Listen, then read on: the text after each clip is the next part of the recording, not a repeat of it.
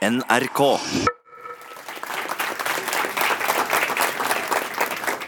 God morgen, eh, alle sammen, og velkommen til eh, frokostmøte om ruspolitikken i regi av eh, Civita.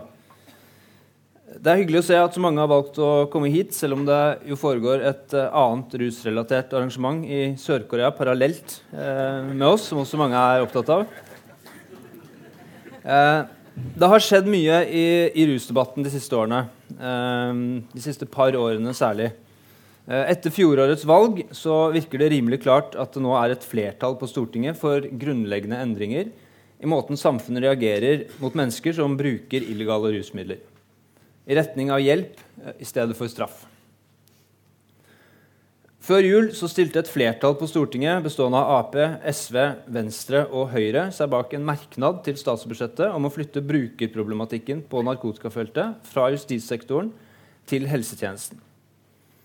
Regjeringen har i den nye regjeringsplattformen varslet en rusreform som skal overføre ansvaret for reaksjoner på bruk og besittelse av illegale rusmidler fra justissektoren til helsesektoren. Men det er ikke helt opplagt hva dette vil bety i praksis. Og det er heller ikke helt opplagt om partiene på Stortinget som har signalisert at de ønsker en reform, eh, egentlig er enige om hva de er enige om. I dag skal vi forsøke å belyse hva slags reform regjeringen eh, planlegger, og hva det eventuelt fins flertall på Stortinget for. Til å snakke om dette så har vi med oss eh, helseminister Bent Høie fra Høyre.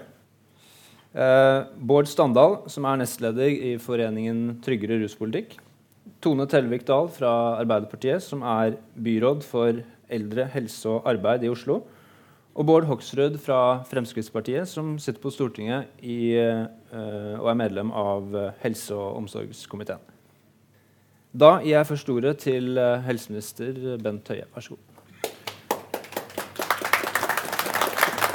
Takk for det. Eh, veldig kjekt eh, å være her. Eh, og som dere eh, ser, så har jeg akkurat kommet hjem fra Lisboa, Portugal. Og dere kan lese reisebrev i dagens eh, VG eh, fra det besøket. det er jo sånn at vi nå heldigvis har et flertall som ønsker å gjøre et etter min oppfatning riktig og neste nødvendige skritt i ruspolitikken, nemlig å flytte eh, samfunnet sin reaksjon mot eh, illegale rusmidler hos den enkelte, bruk og besittelse, fra eh, justissektoren til helsetjenesten. Og Det er veldig sterkt inspirert fra det arbeidet som er gjort i Portugal, og det er det jeg opplever er den store prinsipielle endringen, som jeg opplever at det er bred politisk tilslutning eh, til.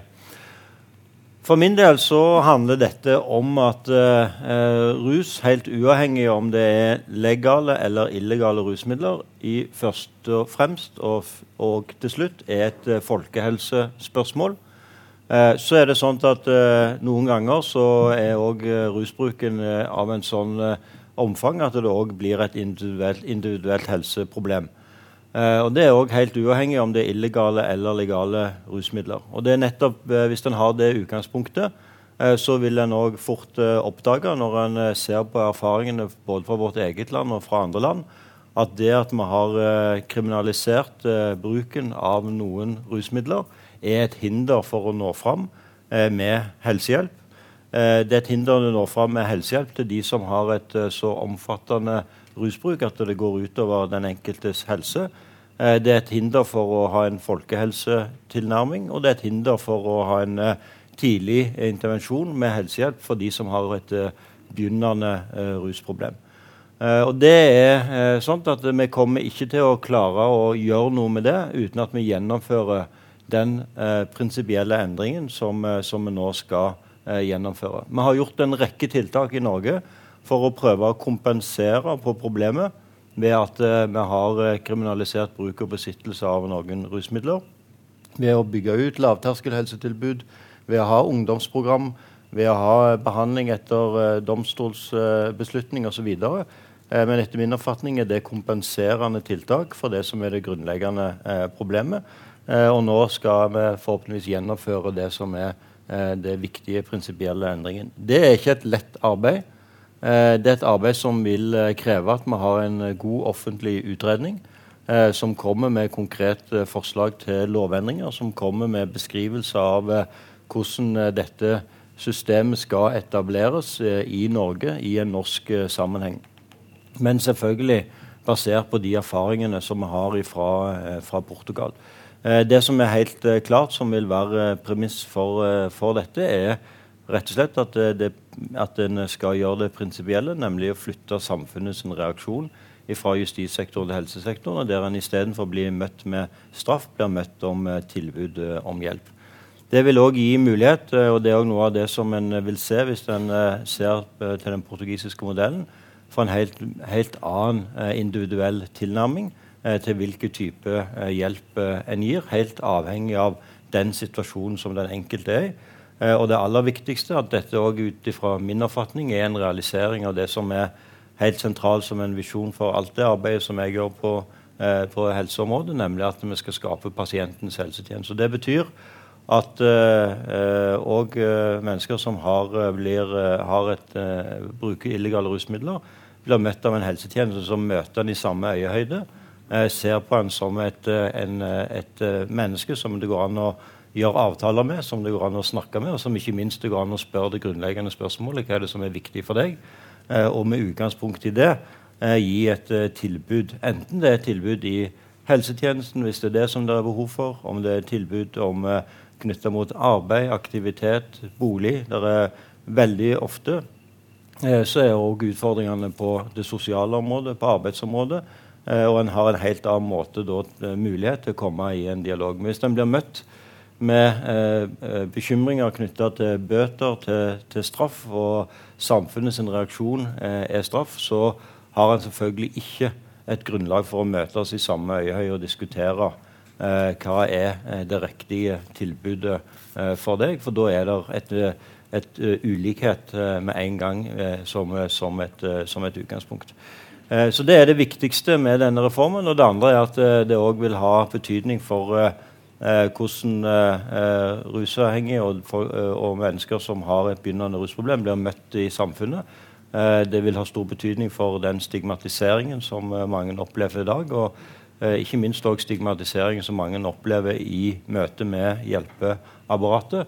over tid så er jeg helt overbevist om at denne tilnærmingen òg vil bidra, bidra på, på, på, på, det, på det området. Og det er også, helt avgjørende for at vi skal lykkes. Vi har i dag i Norge eh, en eh, sosial ulikhet som et land som Norge ikke bør kunne eh, leve med.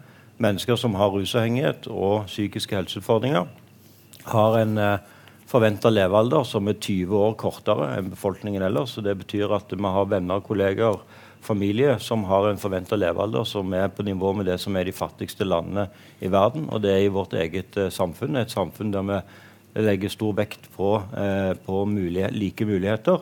Så er det etter min oppfatning en så stor ulikhet at vi ikke kan leve med det. og Da må vi òg være villige til å gjøre radikale grep. Og jeg er veldig glad for at det nå er et eh, bredt politisk flertall for å gjøre dette. Og det er òg en av lærdommene fra Portugal at skal dette bli bra, så må det forankres godt uh, i samfunnet, i det politiske miljøet, men òg i samfunnet ellers. og Derfor vet jeg at mange er utålmodige, men jeg tror òg det er klokt å bruke tiden nettopp på den forankringen.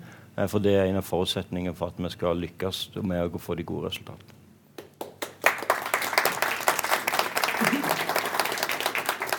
Tusen takk. Da er det Tone Tellevik Dahl, vær så god. Ja, tusen, tusen takk.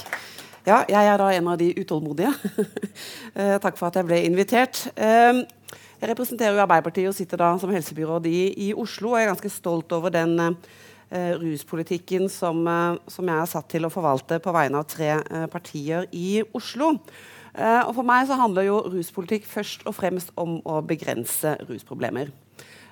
det handler om å gi mennesker økt livskvalitet til kunne leve med diagnosene sine, uavhengig av hva slags diagnose uh, det skal være. Så Derfor er jeg veldig glad for uh, det skiftet uh, som vi nå har fått til, som flere av oss har jobbet for i mange år, ved å se på rusavhengighet som et helseproblem og ikke noe som skal straffes. det er viktig da, Hvordan skal vi klare å, å begrense rusproblemene? Hvordan jobber man? Det handler jo egentlig om å skape fellesskap. At man inkluderer. Eh, det handler om trygge bomiljøer, det handler om barnehager, det handler om å bekjempe frafall i videregående skole, det handler om å bekjempe sosial ulikhet, det handler om å eh, hjelpe folk til å komme ut i arbeid.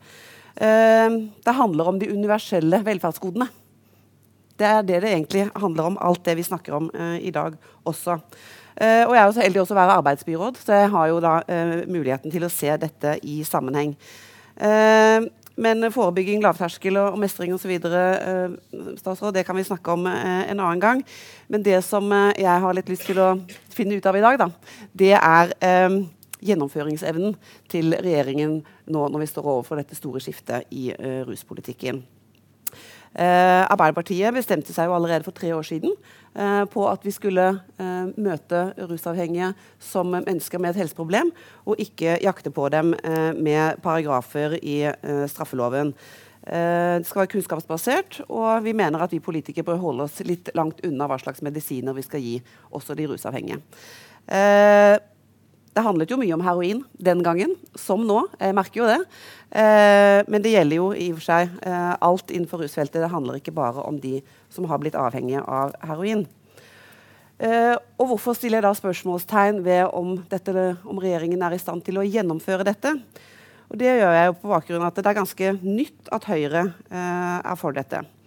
Så jeg håper jo i og for seg at den entusiasmen du i og for seg frembringer her i dag, Bent Høie, at den er ektefølt, og at du liksom gyver løs på oppgaven som du har fått gjennom Jeløya-erklæringen, at den er liksom sterk og god. Men eh, vi sitter jo også her da med en representant fra Fremskrittspartiet som aktivt i sitt partiprogram har sagt at de er imot heroinassistert behandling, f.eks. Eh, Venstre, som er tredje parti i denne eh, morsomme sammenstillingen i regjeringen, de står jo da enda lenger unna eh, Frp i sin ruspolitikk. De er vel kanskje mye nærmere Arbeiderpartiet. Eh, og dette skal da eh, statsråden manøvrere i, da. Men vi har jo uansett forhåpninger på at når man sier i en erklæring at man skal gjøre ting, så gjør man det. Men hvor raskt kan vi gjøre det, statsråd? vi i Oslo er veldig klare. Vi har et røykerom for heroin som ble ferdig bygget for flere år siden. Uh, Bent Høie han har allerede sagt nei én gang til at vi skal få lov å bruke det. Uh, hvis vi kan bli enige om her i dag uh, Bent, om at vi får innvilget bruk av det røykerommet i dag, så er det fint. Så kan vi ta papirarbeidet seinere. vi har jo også i vår byrådserklæring at vi ønsker å være forsøkskommune på heroinassistert behandling i LAR. Det er en setning som også står i Jeløya-erklæringen. Vi er også klare til å være med på det i Oslo umiddelbart. Uh, igjen, jeg kan jo spørre deg i dag, Bent, uh, om du tør å svare ja på at vi kan bli pilotkommune, og så ta papirarbeidet seinere.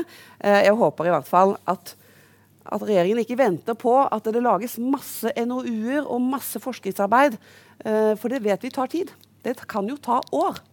De rusavhengige kan ikke vente i årevis nå når vi endelig har fått et skifte i ruspolitikken. Jeg håper at du er villig til å sette i gang en god del eh, forsøk eh, umiddelbart. Um, så er det en annen ting som bekymrer meg. Uh, om regjeringen tar inn over seg storbyproblematikken knytta til rusfeltet. Uh, jeg lette bare, sånn, bare tok en sånn ekstra sjekk i går på hva som står i opptrappingsplanen for rusfeltet. Fant jeg noen ting om storbyer der? Ordet storby var ikke der. Det sto ingenting. Faktisk så likestiller altså da regjeringen Oslo med Utsira.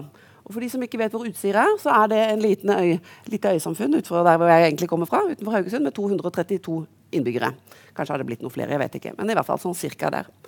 Og sidestiller er kanskje færre, ja. Der ser du. Det er lenge siden jeg flytta fra Karmøy. Eh, men eh, uansett, å likestille Oslo og Utsira i ruspolitikken det går jo bare ikke an. Jeg håper egentlig hele forsamlingen er enig i det. Så de storbyutfordringene eh, som Oslo i særstilling har, men også en del andre storbykommuner, de håper jeg også at regjeringen kan ta inn over seg og vise gjennom både bevilgninger og eh, praktisk eh, politikk. Eh, så eh, Jeg gleder meg i og for seg da til, til, denne debatten. Jeg håper jeg kan få noe svar på hvor kjapt du har lyst til å sette i gang, eller regjeringen har lyst til å sette i gang ulike forsøk Oslo vi er godt rigget. Vi har et bredt utbygd eh, lavterskeltilbud. Vi server egentlig flere enn vi kanskje eh, burde, sier noen, som passer på pengesekken, altså finansbyrådene i Oslo. Eh, men jeg er stolt over det arbeidet vi gjør i Oslo. jeg er glad for at det er flertall for Stortinget for å nå behandle mennesker som mennesker. at vi spør hva som var viktig for dem, og at vi gir de rette medisinene til de rette menneskene. og lar legestanden behandle folk, og så skal vi politikere eh, konsentrere oss om eh, rammebetingelsene. Vi i Oslo i hvert fall er klare for å gjennomføre eh, alt som står i, i byråd, nei, byrådsplattformen. Det skal vi i hvert fall gjøre. I regjeringsplattformen. Eh, og jeg håper at vi kan, eh, kan spille på lag. Ja. Det var, det var, kan spille på lag fremover. Du sier alt, er jeg veldig fornøyd. Det er store forhåpninger i vente. Forsvant, eh, forsvant eiendomsskatten i Oslo, så det er rolig igjen. Ja, vi forvalter. Forvalter pengene godt. ok, tusen takk. Da er det Bård eh, Hoksrud, vær så god. Jo, Tusen takk for det. Eh, det er ikke tvil om at Fremskrittspartiet er veldig enig i det som går på at man faktisk behandler behandle rusmisbruket. Når man har et rusmisbruk, så man også, da trenger man helsehjelp og trenger hjelp og behandling. Det har vi hatt i programmet vårt i mange år, eh, helt siden Jon Alvheim holdt på med dette. her, Så jeg er veldig glad for den delen av det som ligger her. Og så har jeg nok noen momenter som jeg er litt mer skeptisk til det, som jeg skal komme litt tilbake til. Men det handler faktisk om å hjelpe de som har et rusmisbruk, ut av det rusmisbruket, hvis man ønsker det. Og at man skal få en verdig eh, behandling som menneske, og at man skal bli sett som menneske. Fordi veldig ofte så opplever jeg at rusmisbrukerne eh, blir litt sånn tråkka på og sett litt ned på. Uh, og det må vi få endra uh, i samfunnet vårt. Så jeg er veldig glad for at vi nå har fått til en del av de tinga som ligger i Jeløya-plattformen. Vi skal til, med komiteen til Portugal til uka. Uh, så det kan jo bli spennende. Så jeg sier at Bent i dag er uh, blitt uh, helfrelst nesten etter å ha vært der. Så jeg er ikke sikker på om jeg kommer til å være like helfrelst på alt. men Fordi jeg har, vært, jeg har også vært i Nederland med fraksjonen vår nettopp for å se hvordan det er der. Og det er en del utfordringer, og det er heller ikke legalisert i Nederland. Men mye av kriminaliteten nå er rundt coffeeshop og osv., som også er en av utfordringene. Og så er jeg helt enig som sagt, at alle som har eh, fått påvist, eller at når man har et rusproblem, så bør man få helsehjelp istedenfor straff. Og så er det jo sånn i dag at det er jo ikke sånn at ikke det har skjedd noe i ruspolitikken i Norge på 40 år. For noen eh, lager jo nesten en sånn altså, framstilling som at ikke det har skjedd noen ting. Det har skjedd veldig mye i ruspolitikken, og man har gått veldig mye bort fra bare å straffe til faktisk å begynne å hjelpe de som trenger hjelp, at de skal få hjelp. Men vi har fortsatt et godt stykke igjen. Eh, og Derfor tror jeg det er riktig som eh, Ben sier, og som vi har sagt i regjeringsplattformen, vi må ha en NOU, for vi må uh, se på mange av disse problemstillingene som er der. Det som er Fremskrittspartiets bekymring med det som ligger her nå, det er i forhold til å hindre nye inn i et rusmisbruk. Det er den største bekymringa som vi har, og det er derfor vi er kritiske til uh, å bare putte alt fra, fra straff og over i, over i, helsevesenet. Og ref da det som står i VG, da, hvor man altså viser til at det er omtrent som å snike på trikken. Man får en reaksjon, men, er, men, du slipper å møte politiet. Og det er sikkert greit for mange, men jeg, jeg synes at og, og, grunnen til at vi er opptatt av at man skal ha en straffereaksjon, at, at, det skal skje noe, det er jo nettopp etter å ha pratet med politiet, og ikke bare politiet, men folk som jobber i rusomsorgen i kommunene, er kjempebekymra for konsekvensene av å slutte å ha det eh, hva skal jeg si, den, den litt sånn bekymringa. For det er mange ungdom nå som lurer på betyr det at nå blir det legalisert. Men det blir det ikke. Eh, men, men, det betyr altså at man ikke blir straffa for det. Og da betyr det at for en del ungdom som i dag velger å ikke prøve fordi de vet at det kan få noen konsekvenser, de ser ikke den frykten lenger og vil kunne da komme inn eh, og få, rus, eh, få en rusutfordring i framtida si. Det er bekymringa mi med å ta det helt bort. Og så er det jo sånn at man allerede i dag har eh, Politiet kan gjøre ting, eh, kan gå inn i avtale med den enkelte nettopp for å hindre at, eh, at man fortsetter å bruke illegale eh, stoffer og rus, eh, rusmidler. Det er det som er min bekymring med det som man nå legger opp til. Ellers er jeg veldig enig i at man tenker annerledes, tenker nytt og ser helseperspektivet. Og ser rusmisbrukerne. At man får eh, hjelpeapparatet til å bidra til å hjelpe til. For det aller verste er jo det å ikke føle at en får hjelp. Det at en ikke klarer å komme ut i aktiviteten etter at man eh, er ferdig med behandling, f.eks. Ettervern er kjempeviktig. Og der har kommunen en stor jobb å gjøre fortsatt, og, og, og det syns jeg er kjempepositivt. Så dette er en spennende reform, men jeg mener at den har noen utfordringer. Eh, og det skal sikkert Bent og jeg fortsette å diskutere. Men jeg er opptatt av at vi skal se pasienten eller se den det gjelder, den enkelte, det enkelte mennesket, og hjelpe det. Og at man skal hjelpe med helsehjelp og ikke nødvendigvis med straff.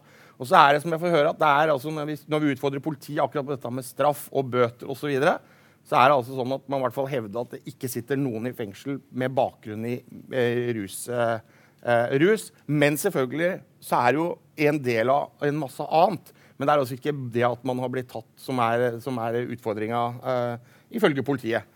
Men jeg ser fram til denne debatten, og jeg tror ikke jeg skal bruke mer tid nå. For jeg synes, og håper også at det er flere kan stille spørsmål til oss, fordi dette er et viktig tema. Jeg syns det er kjempebra at Civita setter det på dagsordenen. Eh, og gleder meg til den videre debatten. Derfor prater jeg fort, fordi jeg må få ut mye. Eh, og så gleder jeg meg til å, å, diskutere dette videre. Og det kommer sikkert til å bli mange debatter framover. Men jeg har lyst til å si ett lite eh, paradoks. da. Litt sånn fordi vi har jo røykeloven og diskusjoner der. Eh, og der er sånn at Nå er det noen som gjerne egentlig skal jage røykerne ut i skauen. Mens her eh, ønsker man da å fjerne det som går på straffesanksjoner og osv. Eh, og, og det er litt, litt spesielt, syns jeg, i, i den eh, debatten vi nå har. Og så er det litt sånn satt på spissen, og litt sånn, men, men jeg syns liksom at det er lov å Man må liksom, når vi ser noen av debattene om, om det, som egentlig er og, litt opp til deg sjøl og ikke har de skadelige konsekvensene. For det har en del skadelige konsekvenser å f.eks. Bruke, bruke cannabis når man er ung osv. Eh, og som sagt, vi var i Nederland, eh, og det var, eh, de var veldig eh, mange som var kritiske til den politikken som var der. Og så vet jeg at Bent vil si at dette er, det er ikke Portugal, men de har gått ganske langt i dette. Og så er det jo da, det aller viktigste er å sørge for at behandlingstilbudet nå kommer på plass, og at man får hjelp, og at man kommer ut i aktivitet og arbeid etter at man har vært eh, inne til rusbehandling. Da tror jeg man lykkes aller best. Takk. Takk skal du ha. Da er det Bård Standal, vær så god. Jeg er så liten og unnselig av meg, så jeg, så jeg, reiser meg opp så, så folk ser meg. Uh, si vi er på en måte samlet her i dag for å ta farvel Eh, ikke, ikke, med en nær venn, men uh, med det min gamle strafferettsprofessor Jo Sandnes i sin tid kalte for vår tids største feilinvestering i straff. Det, det, det er det dette, denne reformen faktisk er. Så spørsmålet er det bra, da? Uh, og det, det, reiser ikke jeg ser det fire problemstillinger. For det første er det riktig innretning, det vi gjør, med å flytte, uh, flytte fokuset fra straff og justis til helse og hjelp. Eh, gjør vi det raskt nok? Gjør vi ting raskt nok? Går vi langt nok? Og hvor plasserer det oss internasjonalt? Hvem er det vi kommer til å henge i skolegården med i årene fremover? Og hvis vi tar det første spørsmålet er det, er det riktig å gjøre noe, hva nå enn noe er? Ja, jeg tror det. Fordi det er, det er noen misforståelser som ligger til grunn for, for politikken slik den er. For det første så baserer forbudet Nå snakker vi om forbudet mot bruk og besittelse, ikke mot omsetning. Det er ingen her som har foreslått at man skal gjøre det lovlig å selge noe som helst. Det baserer seg på en misforståelse av hva rusmidler gjør med deg. Det er sånn der Nancy Reagans 'Just say no'. Uh, not, not, even once. Men vi vet at de aller fleste illegale rusmidlene ikke er mer skadelige enn alkohol, ikke er mer skadelige enn tobakk uh, osv. Det betyr at vi er, inn, vi er innenfor rammen av eh, hvor vi, må stille spørsmål i en liberal rettsstat. Hvor langt kan vi gå? Hvilken begrunnelse kan vi ha eh, for å gå inn og si at vi bruker straff som virkemiddel eh, mot deg som enkeltperson? Uh, det er en grunn til at i veldig mange land i Europa så har grunnlovs- og forfatningsdomstoler begynt å gripe inn mot den typen ting. I, i, I, Tyskland har man gjort det. I Spania har man gjort det. Uh, I Portugal har man hatt, uh, hatt, rettsprosesser på det. Nummer to forbudet baserer seg på en misforståelse og igjen forbudet mot bruk og besitt, på en misforståelse om hva det er som leder mennesker mot misbruk. Og igjen tilbake til denne her, ja, It hijacks your brain.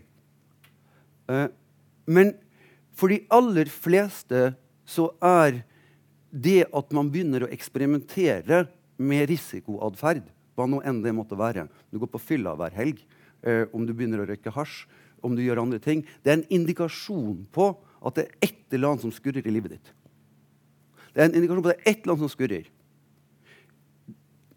Det å møte mennesker som har et eller annet som skurrer i livet sitt, med en identitetsstempling du er kriminell, uh, med kontrollsanksjoner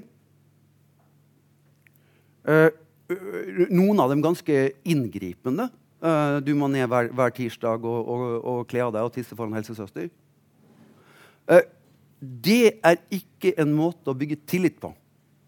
Og vi vet at mennesker som har noe som skurrer i livet sitt, hvis vi skal unngå at de havner i en posisjon hvor dette sklir ut og blir verre, så er tillit det, det, det aller første. Du, du, får ikke hjelp hvis du ikke tør å prate med noen.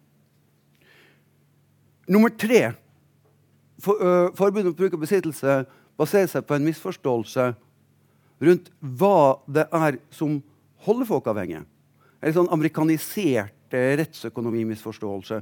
Folk eh, lander opp fordelene med å gjøre noe her, ulempene ved å gjøre noe her. så Hvis vi bare høye nok straffer, så blir ulempene høye nok, og så slutter de. Vet du det For de aller, aller fleste som sliter med avhengighet, så har vi å gjøre med en livssituasjon som for enkelte kan være ganske tøff. Tøff bakgrunn, eh, en ganske mange tøffe historier, tøff livssituasjon i nålege.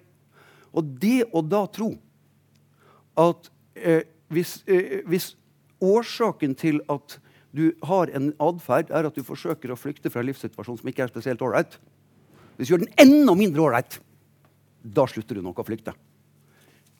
Det, det, er, det, er, kanskje det mest absurde med internasjonal uh, approach til disse, disse, problemstillingene som noen, uh, vi noensinne har hatt. Uh, for det fjerde og, og dette, dette, er et, poeng som ikke har vært så mye med fremme i diskusjonene. For det fjerde så baserer forbudet seg på en misforståelse og igjen forbudet mot bruk og besittelse, uh, på en misforståelse rundt hvordan man jobber med risiko. Altså, for Dette er risikoatferd. Altså, det, det, det, er, det er risikoatferd å, å, å, å, dra på julebord og drikke utrolig mye Tequila. Det er risikoatferd å, å drive med illegale rusmidler. I all annen risikoatferd så snakker vi med deg om hvordan, hvis du nå bestemmer deg for å gjøre dette her, hvordan skal du oppføre deg på en slik måte at du minimerer risikoen med den aktiviteten du holder på med. Den samtalen har vi blokkert. Den samtalen har vi blokkert. Jeg pleier å sammenligne oss med, med, med Alabama.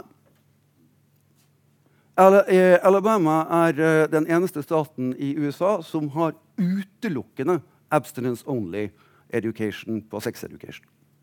Eneste delstat i USA. To, to, interessante funn med Alabama. Punkt nummer én.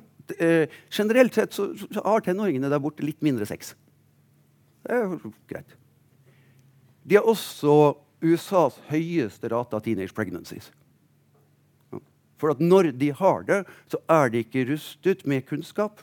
De er ikke rustet med forståelse. De, de forstår ikke hva det, hva det, er, de gjør.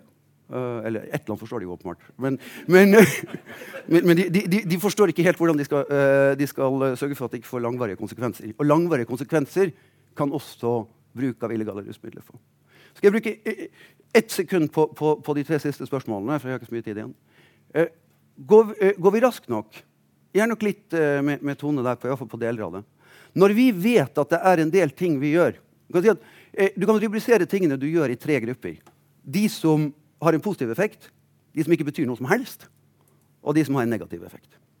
Vi vet at det er en del ting vi gjør i dag, som har en reelt negativ effekt. Når vi løper rundt og, og gir millioner i bøter til rusavhengige på, på gata, så vet vi at vi har et system som den kanadiske legen Gamma sa i sin tid at if I should design one system to keep people addicted, it would be this. Når, når, vi vet at vi har en del sånne ting som vi bare kan slutte med, så er det en sånn politisk syke generelt å si at jo, vi vet at vi, vi, vi driver med noe som er gærent, vi slutte, men vi kan ikke slutte med å gjøre det, for vi har funnet på noe som er bra. Ja, men hver dag du fortsetter å gjøre noe som er galt, så blir det bare verre. Uh, ved oss langt nok kan vi uh, diskutere litt gjennom, gjennom, panelet. Men hvor plasserer dette oss internasjonalt?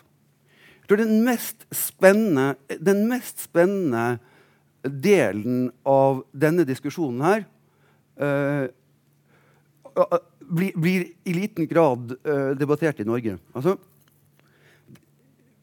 når Bent Høie fikk gjennomslag for å gjøre en del justeringer i Høyres program, så er den mest interessante setningen som kom inn der er ikke, nesten ikke vært med i diskusjonen, det står skrevet. Si. Uh, Norge skal være en pådriver globalt for en narkotikapolitikk bygget på helse, skadereduksjon og menneskerettigheter. I 20 år fra nå kan det ha vært den viktigste setningen som noensinne ble vedtatt. Fordi Hvis man ser på hvordan dette her feltet her spiller seg ut internasjonalt Se på Filippinene. Jeg eh, satt i oktober og spiste lunsj med en gjeng fra, fra Colombia som hadde fått sin kusine drept av, av militæret der for, uh, fordi de skulle slå ned på dyrking.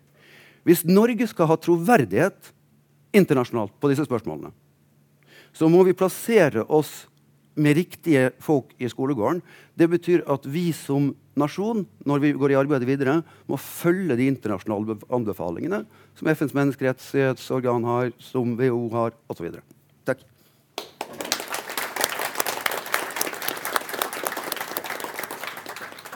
Tusen takk for veldig, veldig gode innledninger fra, fra alle fire. Um, jeg har lyst til, å, lyst til, å, følge opp videre med et, uh, et spørsmål til, uh, til, Bent Høie. Um, i, i, regjeringsplattformen så står det, som du også var inne på, uh, at ansvaret dere vil nå at ansvaret for samfunnets reaksjon, for bruk og besittelse av illegale rusmidler skal overføres fra justis til helse. Men så står det også eh, i neste setning faktisk, at politiet skal kunne pålegge at den rusavhengige skal møtes med helserettede tiltak, og manglende, opp, øh, og manglende oppfølging vil medføre sanksjoner. Eh, kan du si litt om hvordan dette, hvordan dette henger sammen? Hva, skal politiet både være med og ikke med? på en måte, eller? Ja, det, eh, det, er akkurat det samme som i, i Portugal. Eh, politi, politiet har fortsatt en rolle. og Det vil si at eh, hvis politiet eh, tar en person, og vedkommende har eh, illegale rusmidler i en mengde som gjør at det er til personlig bruk, så er politiet sin eh, eneste oppgave det å eh, henvise vedkommende til møte for, eh, for kommisjonen, som er da forankra i helse. Så politiet har ingen reaksjoner eh, mot personer som bruker og er i besittelse av illegale rusmidler i et omfang som er til eget bruk. Uh, og det er det som òg eh, står, i, står i, i, i, plattformen. Uh, så har personen på seg mer rusmidler uh, enn det, eller selger eller smygler, eller sånt, så er det nøyaktig som i dag. da er det politiet som har ansvaret, og da er oppfølgingen videre i domstolen. og Det er den rollen som politiet har. så er det sånn at òg i, i, Portugal så er det sånn at selvfølgelig hvis du da men, er det, men er det, bare, er, er det, politi, det, høres ut som det er politiet som skal vurdere om du trenger helserettede tiltak, og som kan pålegge det. det en den eneste kriteriet politiet har, det er at du ikke selger, uh, og at den mengden som du har på deg, uh, er under det som er den definerte mengden for, uh, for eget, eget, bruk. Og De tar selvfølgelig da ifra deg stoffet, for stoffet er ulovlig. det blir destruert. men så får du da beskjed om å møte for en kommisjon i, i Portugal innen, eh, innen, 72 timer. Eh, de fleste møter dagen eh, etterpå.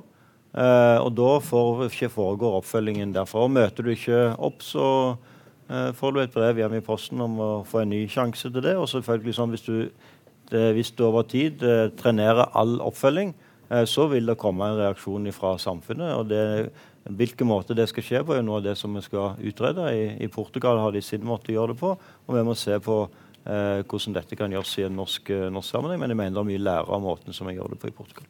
Ok, Da har eh, Tone tegnet seg for en kommentar. Ja, nei, for Det er egentlig det siste som Bent sier her. Nå skal vi utrede hvordan vi kan gjøre dette i norsk sammenheng. Og Da vil jeg henge meg litt på det som Bård Standal sier. Når vi vet eh, at det er en del ting som har negativ effekt, hvorfor skal vi da fortsette å gjøre det? Eh, og jeg tror vi alle her er enige om at vi skal drive en kunnskapsbasert ruspolitikk. Eh, så hvorfor ikke bruke den kunnskapen som er tilgjengelig? Hvorfor skal vi alltid liksom bygge opp vår egen kunnskap og liksom ha norske forskere eh, og masse forsøk, eh, kanskje ikke det engang, først? Hvorfor kan vi ikke bare begynne å gjøre noe riktig? Og Det er derfor jeg egentlig utfordrer ministeren litt til nå. eh, siden jeg aner at det kommer NOU og masse forskriftsarbeid, er regjeringen villig til å sette i gang da, norske forsøk, eh, sånn at vi kan få et norsk kunnskapsgrunnlag inn i arbeidet med NOU-er og forskriftsarbeidet? For som sagt, Politiet i Oslo i dag det er jo helt riktig, eh, hvis, de hadde vært her i dag, så hadde de sikkert sagt at eh, stort sett så bortviser de. At de bøtelegger ikke så mye. Eh, så er sikkert mange i salen her som er uenig i det, men de sier ofte bortvise. Utfordringen er jo at de bortviser til ingenting. Og det er det som er hovedproblemet. Eh, så igjen, Oslo er klare eh, til å både teste ut at politiet får myndighet til å henvise til helsehjelp i kommunen. Vi er uh, tilgjengelige for å åpne vårt røykerom, som er ferdig bygget. Uh, og vi er uh, med på å være forsøkskommune på heroinassistert behandling i LAR, som jo ligger i spesialisthelsetjenesten. Men det er klart vi som kommune har ansvar for booppfølgingen og rehabiliteringsarbeidet etterpå. Og der er vi rede til å, til, å, til å, sette i gang arbeidet sammen med spesialisthelsetjenesten. Så mitt spørsmål er nok en gang kan vi begynne å gjøre noe nå? Det er nok av kunnskap. Det, det, tror jeg alle er enige om at vi sikkert kan gjøre. Men jeg har lyst til å spørre deg om en ting. Du, du, da du, I innledningen din så hørtes det litt ut som at, uh, at det Bent Høie sier nå, det, det har Arbeiderpartiet ment uh, veldig lenge. Men allerede, allerede altså, alle, altså i, i, i, det programmet dere har nå, så står det jo at dere ønsker uh, fortsatt å ha bøter til de som tas for illegale rusmidler, hvis, de åpen, hvis det er slik at de åpenbart ikke har et rusproblem. Uh, hvis det skal gis bøter, så skal jo politiet være involvert. Da skal de ikke ut av strafferetten. Uh, kan du si litt om er, hvordan dere tenker om dette nå? Er det ja, eh, Det er jo ingen, ingen partier som i sine partiprogrammer nasjonalt i 13 17 hadde noe om den endringen som vi ser i ruspolitikken i dag. Nei, men Dette er programmet fra 17 til Det er helt til, riktig. Men bøter det trenger ikke nødvendigvis være knyttet til straffeloven. Det kan være reaksjoner. Uh, så blir dette kanskje litt semantikk, vil noen si. Men fra mitt ståsted, fra Oslo Arbeiderpartiets ståsted, som har en stolt tradisjon mener jeg, innenfor ruspolitikken, som kjempet for sprøyterom allerede tidlig på 90-tallet, uh, uh, så mener vi at det skal være en reaksjon. Eh, og så må vi da diskutere hva skal det være. Og Det er derfor jeg håper at regjeringen er villig til å sette i gang noen forsøk på det vi ser i det som kalles Portugal-modellen fordi jeg mener det er mer enn nok kunnskap fra mange land vi faktisk kan sammenligne oss med. Uh, og så skal selvfølgelig alle lover og paragrafer og så videre komme på plass etter hvert. Det tar lang tid, men uh, jeg mener at de rusavhengige har ventet lenge nok. Okay. Da var det Høie først. Ja, altså jeg, jeg Eh, når jeg hørte Tone sitt innlegg, så var det nesten sånn, tenkte sånn, ønsker du deg tilbake igjen til rusdebatten sånn som den var for tre år siden, eller har du på en måte beveget deg de siste, siste, årene? Jeg ønsker ikke at vi skal liksom fortsette med rusdebatten sånn som den var for tre år siden, og på en måte ser at vi er i en helt ny, eh, ny situasjon. og Da tror jeg vi skal ta utgangspunkt i det. Eh, når det gjelder den store rusreformen som står forbi, så i, hvert fall, eh, i all min dialog med Arbeiderpartiet på Stortinget, så opplever jeg at det er full enighet om at vi har behov for en NOU. Så jeg har ikke tenkt å bruke tiden her i dag og diskutere med deg om, liksom, om det er behov eller ikke behov. Det er, oppfatter jeg alle som står bak uh, det flertallet, er helt uh, enig i. Uh, når det gjelder de andre tiltakene som du trekker fram, så er det jo sånn at det er jo en del av regjeringens plattform. Der har vi òg veldig tydelig i plattformen sagt at det er ikke tiltak som vi skal vente på denne store reformen for å gjennomføre. Det betyr at vi skal arbeide med å legge til rette for å Eh, for eh, Switch-kampanjer der en lærer å røyke eh, på, på, på brukerrom. Omdanne sprøyterom til brukerrom. Vi skal legge til rette for heroinassistert, heroinassistert behandling i, i, Norge. Og Det er et arbeid som kommer til å gå parallelt, og ikke kommer til å vente på på den store, store rusreformen. Så det kan jeg svare ut nå. Så da ja, håper jeg at du nå kan love meg at du i år gjør om budsjettet, sånn at du bruker alle de pengene som Oslo kommune får av meg eh, til opptrappingsplan på rusfeltet, til rusfeltet, og ikke bruker det på ja, du bruker det i hvert fall ikke på brøyting, men du bruker det på et eller annet eh, annet. Eh, så jeg håper at eh, hvis jeg da kommer med de endringene som skal til for at du får eh, sette i gang med røyking på, på brukerrommet og får sette i gang med heroinassistert behandling, at du nå her og nå kan love meg at hver eneste krone Oslo kommune får fra staten for opptrappingsplan på rusfeltet, kommer til å bli brukt på rusfeltet, for det er ikke tilfellet i dag. Ok, vi...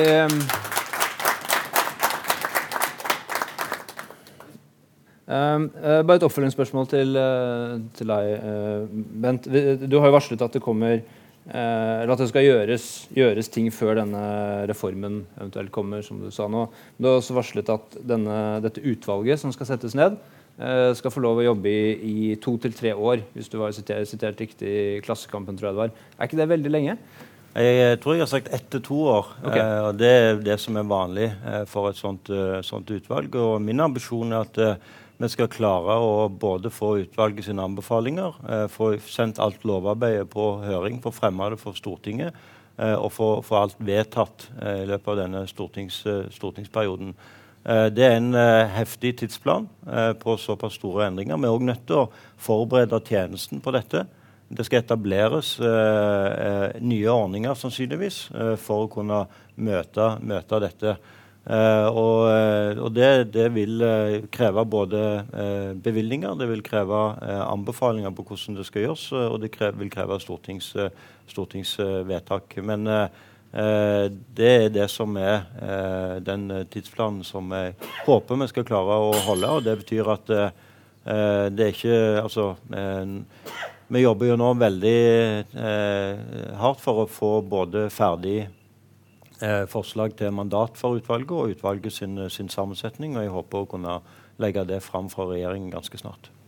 Ok, Da hadde Bård Standal også bedt om ordet. Og så ja, jeg, jeg, tror jeg skal gi Arbeiderpartiet uh, dette med disse bøtene folk er så opptatt av. Altså, jeg, jeg, tror jeg skal gi Arbeiderpartiet litt slekk. Jeg tror, tror de, de, fikk, uh, de, ble tatt litt på senga av Eh, av den ganske hurtige endringen som kom i, i 16.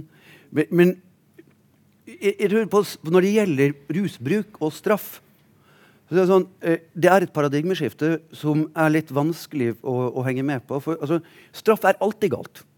Sånn. Straff er alltid galt for personlig bruk. Fordi hvis du er en risikosøkende ungdom eller i risikosonen på, på annet vis, så øker straffen sannsynligheten. altså Det er et dytt ned skråplanet. Er du en uh, problemfri rekreasjonell bruker, uh, så har du egentlig ikke behov for å bli avskrekket fra noe som helst. Og er, har du utviklet avhengighet og har en dårlig livssituasjon, er det en måte å holde deg fast der du er. Så, så eh, vi, vi, eh, I diskusjonen så ender vi litt sånn opp med at ja, men det må være en sånn last resort. Ja, det, det, er et mentalt skifte. Straff for rusbruk Uansett om det er risikosøking eller helt over på siden til selvskading. Straff er alltid galt. Ja, jeg, jeg, først har jeg lyst til å si at uh, det er altså sånn at man har satt i gang en opptrappingsplan på rusfeltet med 2,4 milliarder kroner. Og det er viktig at kommunene faktisk bruker de pengene som de nå altså får, til å uh, gjøre jobben på rusfeltet for å hjelpe rusmisbrukere. Men jeg synes at liksom, debatten blir nå hele tida, og, og, det er selvfølgelig det aller viktigste. Det er jo de som har et rusproblem. Som, eh, man, altså det å drive og straffe og forfølge, det er liksom ikke det som hjelper. Men jeg syns at man tar litt lett på den diskusjonen som jeg i hvert fall, hvor, jeg er litt uenig med Bent. Eh, nemlig det der med å hindre at ungdom kommer inn og begynner med rus, eh, rusmidler som er illegale. Eh, og det er på mange måter litt den eh, delen av debatten som jeg føler at man ikke vil diskutere. Og så sier du at all straff er, eh, er feil. Det mener jeg jo er ja, da, da, er man liksom på en helt annen diskusjon. Eh, i forhold til, Det er en grunn til at man har straff, det er en grunn til at man har reaksjoner. Og hele poenget eh, er jo den avskrekninga for en del unge mennesker som eh, gjør at de ikke begynner eh, å eh, bruke rusmidler. Nettopp fordi det ligger en mulighet for å få en straff der. Eh, og ja, For en del så betyr ikke det noen ting. Man begynner allikevel. Og det, det vet jo, det er ulovlig da, og det er straffbart i dag. Men for noen, og ganske mange, så er det fortsatt en grunn til at man ikke begynner uh, å uh, prøve dette. her, Fordi man vet at det kan få noen konsekvenser. Og det er jo faren med det som da jeg opplever at uh, det store flertallet i denne debatten nå, og det, nivå, eller det, det standpunktet de nå har, at dette ikke lenger skal få konsekvenser. Og jeg syns det er viktig å lytte også til folk, ikke bare politiet, men altså folk som jobber i rusomsorgen rundt omkring i Kommune-Norge, som er kjempebekymra for at man nå tar bort dette her. Og så er det jo sånn at eh, de aller fleste, når man første gang kommer inn, så fins det muligheter for å få annen reaksjon enn straff. Men det ligger altså som en mulighet her hvis man eh, fortsetter å, å, å, å går inn i et rusmisbruk. Så Jeg mener at eh, det er fortsatt viktig å ha det perspektivet. Men vet vi noe mer spesifikt om, om hvorvidt straff faktisk virker på den måten du nå sier, eller er det, er det en antakelse? Jeg tror at det er bare å prate med folk. og det er som jeg sier, Politiet på Manglerud, eh, rus, eh, altså folk som jobber i rusomsorgen, sier at de er kjempebekymra. fordi for en del ungdommer så er det det som gjør at man ikke begynner med rusmisbruk. Eh, og ikke prøver, fordi man vet at det ligger en straffereaksjon der hvis man begynner med det. Så er sikkert, Her er det sikkert delte meninger om det, men, men eh, det er de klare tilbakemeldingene jeg får for folk som jobber med dette. her. De er veldig tydelige tilbake på det. Og så finnes selvfølgelig noen som mener noe annet, men det er jo også derfor vi er forskjellige. Fordi, fordi vi kan mene forskjellige ting. Og jeg mener absolutt at det er hele hensikten med hvorfor man har det. Det er å hindre at nye mennesker kommer inn eh, og starter å bruke rusmis, eh, rusmidler. Høie, superkort, og så slipper vi til salen. Altså, eh, Det er ingen tvil om at lovregulering har betydning hvis du ser på rus i et folkehelseperspektiv. Derfor er jo jeg for, eksempel for en mye strengere alkoholpolitikk enn deg, Bård. Eh, fordi Det er vel lovlig middel, da. ja, ja, akkurat. Eh, men det er ingen tvil om at eh, det å ha strengregulerte både salgs- og skjenketider og styrke eh, har et betydning i et folkehelseperspektiv. For det, er det- da er det den samla rusbruken som er et problem. Derfor er jeg veldig eh, tydelig på at eh, eh, de rusmidlene som i dag er illegale, de skal fortsatt være illegale. Og Det er ikke ut ifra et individperspektiv, men ut ifra et samfunns- altså et folkehelseperspektiv. Fordi jeg er helt overbevist om at hadde vi legalisert flere rusmidler, så hadde den samla rusbruken eh, gått opp. Og det eh, ville i så fall i et folkehelseperspektiv økt eh, helsebelastningen eh, i, i samfunnet, og det er jeg imot. Men eh, ut fra et individperspektiv så er jeg eh, veldig tvilende til at eh, straff har noe som helst eh, betydning eh, i det hele tatt. Eh, de aller fleste som utvikler en problematisk rusbruk, enten det er med illegale eller illegale rusmidler, har ofte en bakenforliggende årsak til det. Og da blir det ekstra ille at veldig mange av de som overle opplever vold og overgrep eh, som barn, eh, får egentlig en dobbelt straff gjennom at vi òg straffer dem for eh, det som faktisk er konsekvensen av det, nemlig at en utvikler et rusproblem, og så kommer samfunnet og stiller opp med straff igjen. og Det er den tilnærmingen som jeg mener vi må få slutt på. Tusen takk. Da skal vi da skal vi slippe til eh, et par eh, spørsmål fra salen. Da tar vi Karl Erik Grimstad først. Vær så god. Ja, jeg er altså kollega med Bård i, i helse- og omsorgskomiteen på Stortinget, fra Venstre for øvrig. Og i regjeringen. Eh, ja, ehm, og som Bård sa, så skal vi nå snart til eh, Portugal, og der kommer vi helt sikkert til å ta et glass Dorovin sammen og diskutere dette her. Eh, men jeg er veldig glad for at Bent trekker opp dette her med den folke, eh, folkehelsemessige eh, eh, utfordringen vi står overfor, og den er helt åpenbart knyttet til alkohol, og ikke til narkotika først og fremst.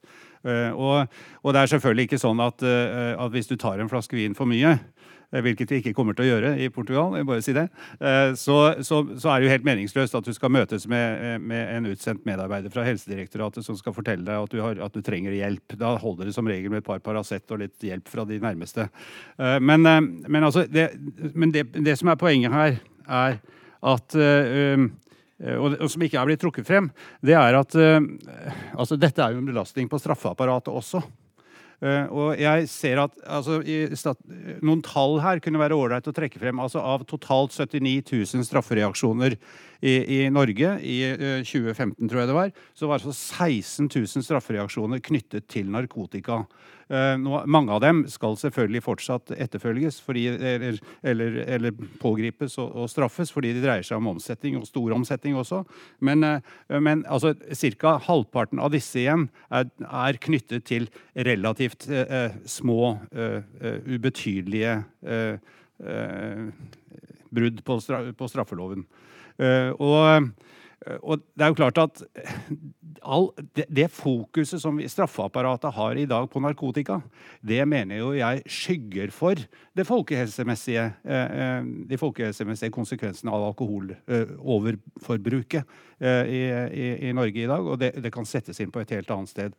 Men det er jo klart at vi kommer jo til det er en hårfin grense her mellom legalitet og illegalitet. Og det er jeg helt enig med Bård i, at vi må ta, vi må ta det. Eh, bare veldig kort. til dette her med sprøyterom i, Oslo. Uh, jeg er veldig glad for at Bent uh, avklarte dette. Vi er allerede i gang med i Bergen. Der har vi en byråd fra, fra Venstre. Det var Dørum, Venstres justisminister, som innførte sprøyterom i, i, i Oslo. Og, og, vi har jo vært på ballen her veldig lenge, men nå er de altså i gang i Bergen med å bygge om et sprøyterom til brukerrom med mulighet for å, å røyke. Og det er helt klart at, at at eh, Erlend Horn, som er byrådet i Bergen, har tatt disse signalene på akkurat samme måten som deg. Og det skal nok gå bra i regjeringen, skjønner du. For du har på ryggen i Oslo MDG og SV. Og de står for en mye mer liberal uh, russpolitikk enn det du gjør. Så, så, og du klarer deg, du òg. Da var det deg. Jeg er Kenneth Johansen, kommer fra Rusmisbrukernes interesseorganisasjon. Eh, det vi ser som er et kjempestort problem, er jo også kontinuitet i tjenesten, at tjenestene ofte ikke henger sammen. Og da har jeg bare egentlig et kjapt spørsmål. Det blir nevnt forsøksprosjekt med heroinassistert behandling. Og jeg lurer på hvordan man har tenkt å gjøre et forsøksprosjekt med i prinsippet tidsubegrensa behandlingsform. Ok, Da tar vi, tar vi ett til mens vi er i gang. Da var det du som sitter der. Eh, takk for eh, gode innledninger. Jeg heter Anna Kvam og er student. Eh, jeg har ett spørsmål til Bård Hoksrud og ett til Bent Høie. Eh, til Bård Hoksrud så lurer jeg på eh, om du bortsett fra på en måte egne erfaringer med samtaler f.eks. med Manglerud-politiet og kommunehelsetjenesten, har empiri på at straff virker forebyggende på unge mennesker som ikke før har brukt eh, illegale rusmidler. og til Bent Høie så lurte jeg på om du kunne si bitte litt om om dere har tenkt noe på grensedragningene når det gjelder straffereaksjoner, eh, i forhold til det at veldig mange av de som kanskje blir tatt for besittelse av brukerdoser eller bruk, eh, og som er de tyngste brukerne, også eh, gjerne eh, driver med omsetning for å finansiere eh, egen eh, bruk. Eh, og at da ender man kanskje med å yte samme straffereaksjon eh, likevel, eller samme grad av straffereaksjon, selv om det egentlig ikke er hensikten med reformen. Takk.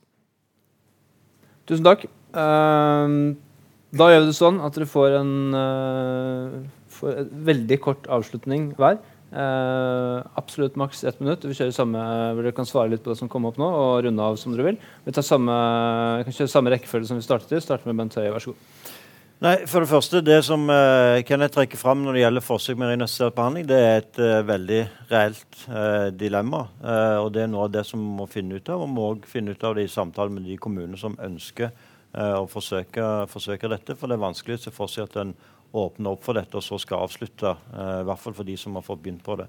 Uh, så Det er noe av det som vi må, må finne ut av, hvordan en har, uh, har, tenkt. Og så er jo det er ingen grunn til, altså Vi er for dette, det står i vårt, vårt program. men kunnskapsgrunnlaget er relativt svakt for at dette faktisk har betydning. Men, men, det er et ønske om å prøve det ut, og det skal vi prøve å finne modeller for. Eh, når det gjelder det som eh, du tar opp, så er det et dilemma òg i den eh, portugisiske løsningen. Men det, det, vi ser, det er jo at de aller fleste da ikke har stoffer på seg i en mengde som gjør at de blir tatt for, for, for salg. Og dermed så vil brukerne i all hovedsak gå unna det. Men det er klart driver med omfattende salgsvirksomhet og blir tatt for det, så er det de samme straffereaksjonene der som her er i realiteten på, på det. Takk skal du ha. Tone? Ja, nei, uh, Jeg er veldig glad for at det ser ut til at vi kan samarbeide med regjeringen om uh, ulike piloter fremover innenfor rusfeltet. Det er jeg glad for. Så skal vi ta papirarbeidet etterpå. Det kan vi være enige om. og så håper jeg også at norske kommuner kan få større anerkjennelse for det forebyggende arbeidet vi også gjør, som Hoksrud også nevnte. det er også en del av de pengene norske kommuner, og særlig Oslo, legger inn i det vi gjør eh, mener er eh, rusarbeid, men det er på den forebyggende siden. Så tar vi med både det vi gjør på det forebyggende, og det vi gjør på det behandlende og ettervernet, så er jeg veldig stolt over at vi kan si at vi faktisk utkvitterer mer enn det regjeringen gir oss i, til uh, det, denne type arbeid. Okay. Ja, kreativ regning. Bård Hoksrud, vær så god. Ja, nei, eh, det, dette er et kjempeviktig område. Jeg, det, som sagt, dette er jeg sikker på kommer til å bli en stor debatt videre framover også. Og så er vi i stor grad veldig enige om det aller meste. Eh, og så er det til empirien min.